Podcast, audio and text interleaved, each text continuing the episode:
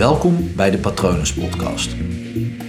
Mijn naam is Paul Vet en in deze podcast deel ik inspiratie voor een leven vol vrijheid en verbinding.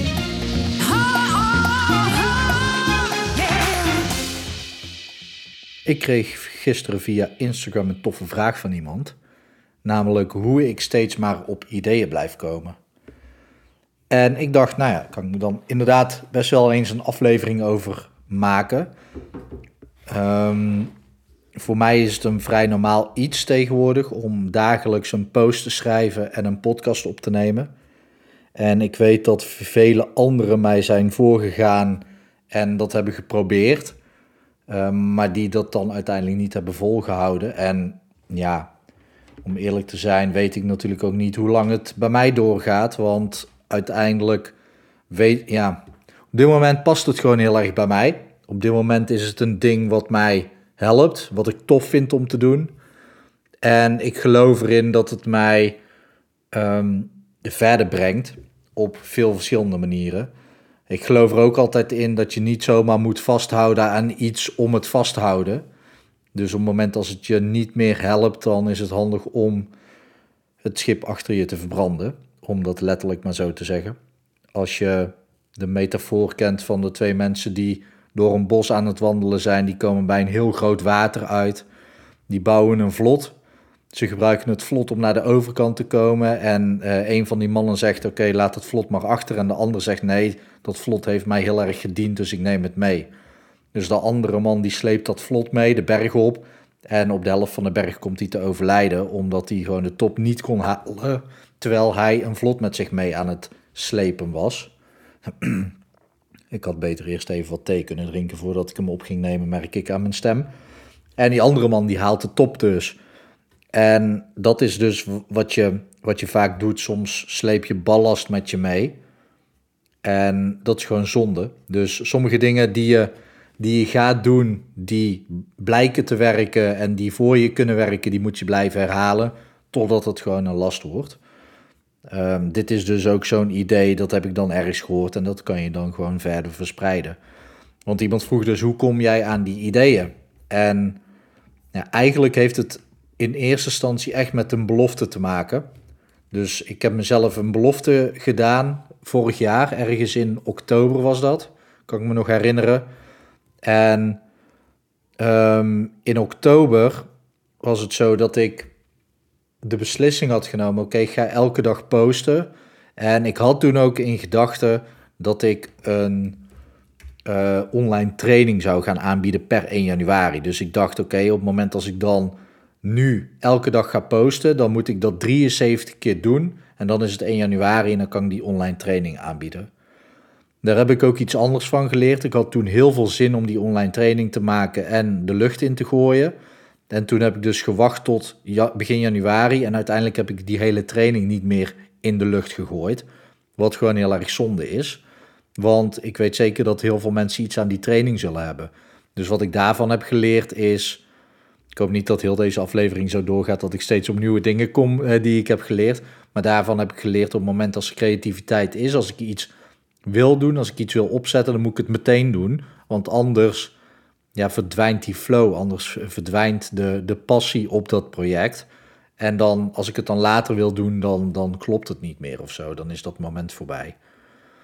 Maar goed, ik had dus aan mezelf de belofte gedaan. Gewoon, ik beloof, dit is wat ik de komende 73 dagen ga doen. En dat is eigenlijk het allerbelangrijkste. Dat jij op het moment dat je zoiets ook zou willen doen, en of dat je het nou elke dag wil doen of elke week, maakt eigenlijk niks uit. Um, wel een tip ook weer. Um, zorg ervoor dat het woord elke erin zit. Want anders kan je sjoemelen. Als je zegt vier dagen in de week, dan is niet duidelijk welke dagen. En dan is de kans aanwezig dat je in het begin van de week uh, heel hard aan de slag gaat. Vier dagen achter elkaar en dan die week erna. Dan heb je dus drie dagen niet gedaan. Dan denk je de vierde en de vijfde dag. Denk je ook, nou nu hoeft het nog niet. En dan is het opeens uh, donderdag en dan moet je opeens weer vier dagen achter elkaar iets doen. Dat is heel onhandig, voor je brein ook. Dus op het moment dat je een afspraak, een belofte maakt met jezelf, zorg dat het woord elke erin zit. Dus elke dag uh, bewegen bijvoorbeeld. En dan kan je daarin wel schipperen van oké, maar hoe dan? De, ene dag een workout, de andere dag wandelen. Of elke dag schrijf ik. Oké, hoe lang? Dat is altijd het beste om op basis van tijd het te uh, bepalen. En dus aan jezelf te beloven. Dus allereerst heb ik aan mezelf de belofte gemaakt. Oké, vanaf nu ga ik elke dag posten. En vanaf het moment dat ik die belofte doe en dat ook online deelde met mensen, ik moest wel. Dus ik moest ervoor zorgen, en nu nog steeds, dat ik elke dag iets te delen heb. Elke dag moet er iets online staan. En ja, ik heb natuurlijk niet altijd elke dag de tijd om iets op te nemen. Nu de laatste tijd toevallig wel.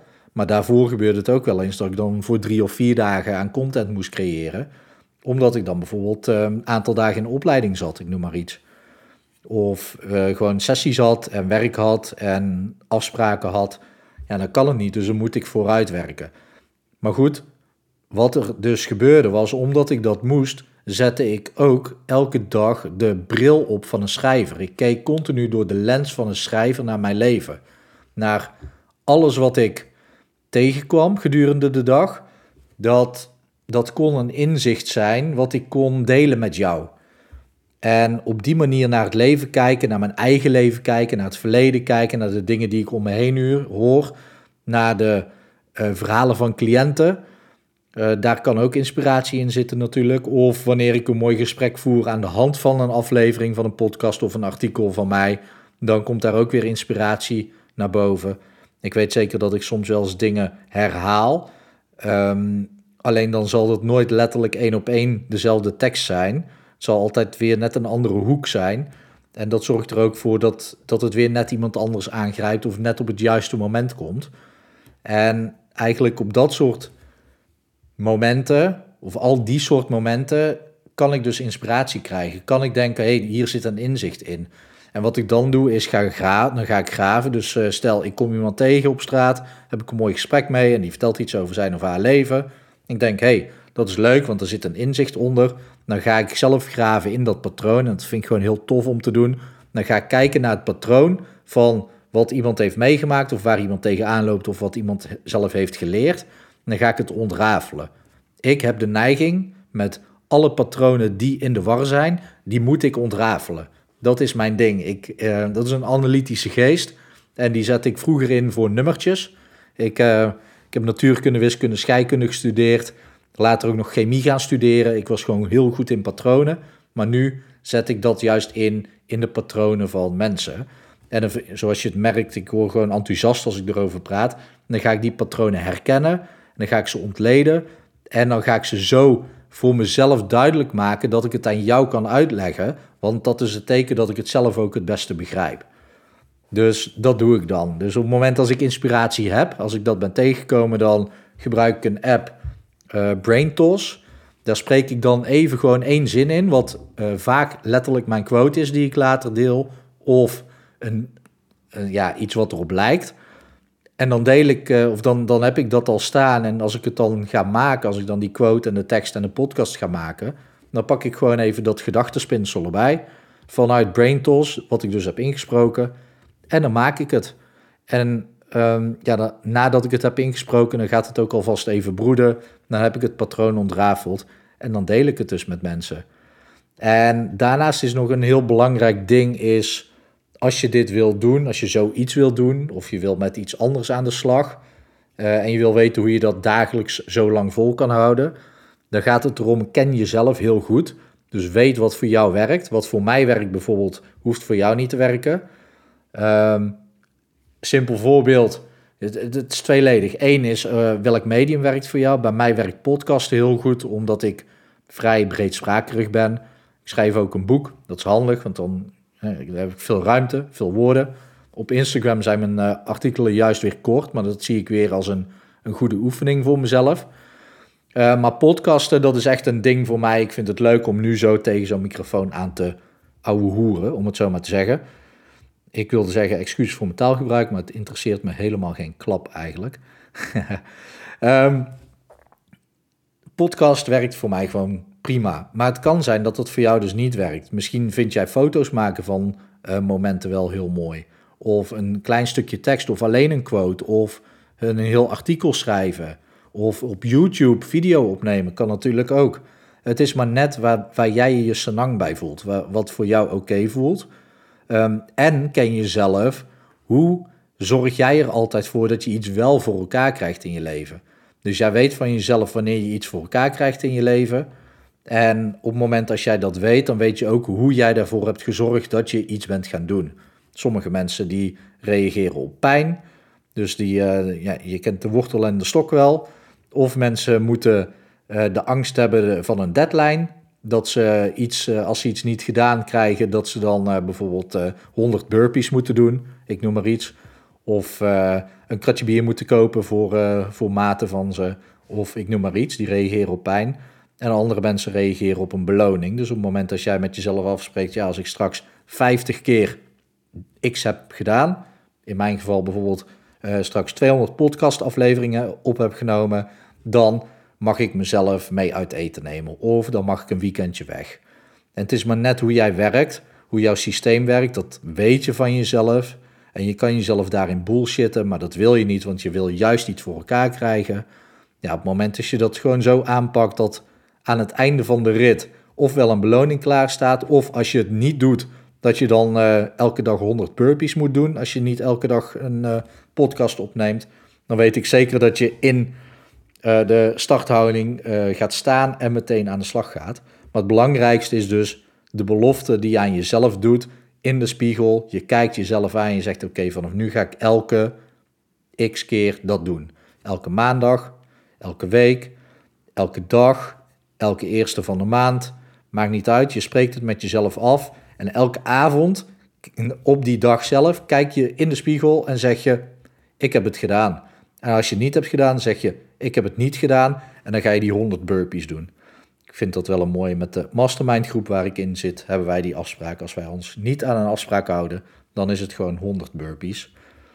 Um, ja, en misschien is dat voor jou makkelijk. En misschien denk je, wat is een burpee? Dan moet je maar even, even googlen. Maar dit is dus eigenlijk hoe het voor, uh, voor mij werkt. Dus door die belofte te doen, staat het aan. Ik moet wel. Er zit een deadline op. Er zit gewoon pijn op. Als ik het niet doe, dan, ja, dan kom ik een belofte aan mezelf niet na. Dan wijs ik mezelf af. Daarna, omdat ik wel moet, moet ik dus ook wel uh, ja, elke dag ervoor openstaan dat er een inzicht tot me komt op het moment als ik dan een inzicht heb, ga ik dat patroon ontrafelen zodat ik het kan uitleggen aan iemand. Nou, op het moment dat ik het kan uitleggen aan iemand, heb ik een podcast of een quote of een artikel. En in mijn geval alle drie. Uh, soms neem ik ook nog YouTube-video's op terwijl ik dit opneem. Alleen mijn haar is nu gewoon echt zo lelijk. Nee, het is gewoon een kutsmoes. YouTube uh, kost gewoon heel veel meer werk voor mij. Uh, want dan wil ik er ook een thumbnail bij en bla bla gedoe. En ja, ik heb meer te doen op een dag. Dus dit werkt voor mij.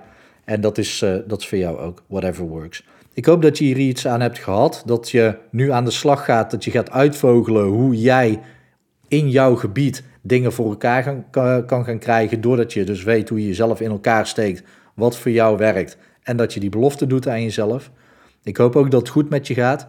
Ik hoop dat Mark Rutte vanavond iets fijns aankondigt. Het is vandaag 6 mei.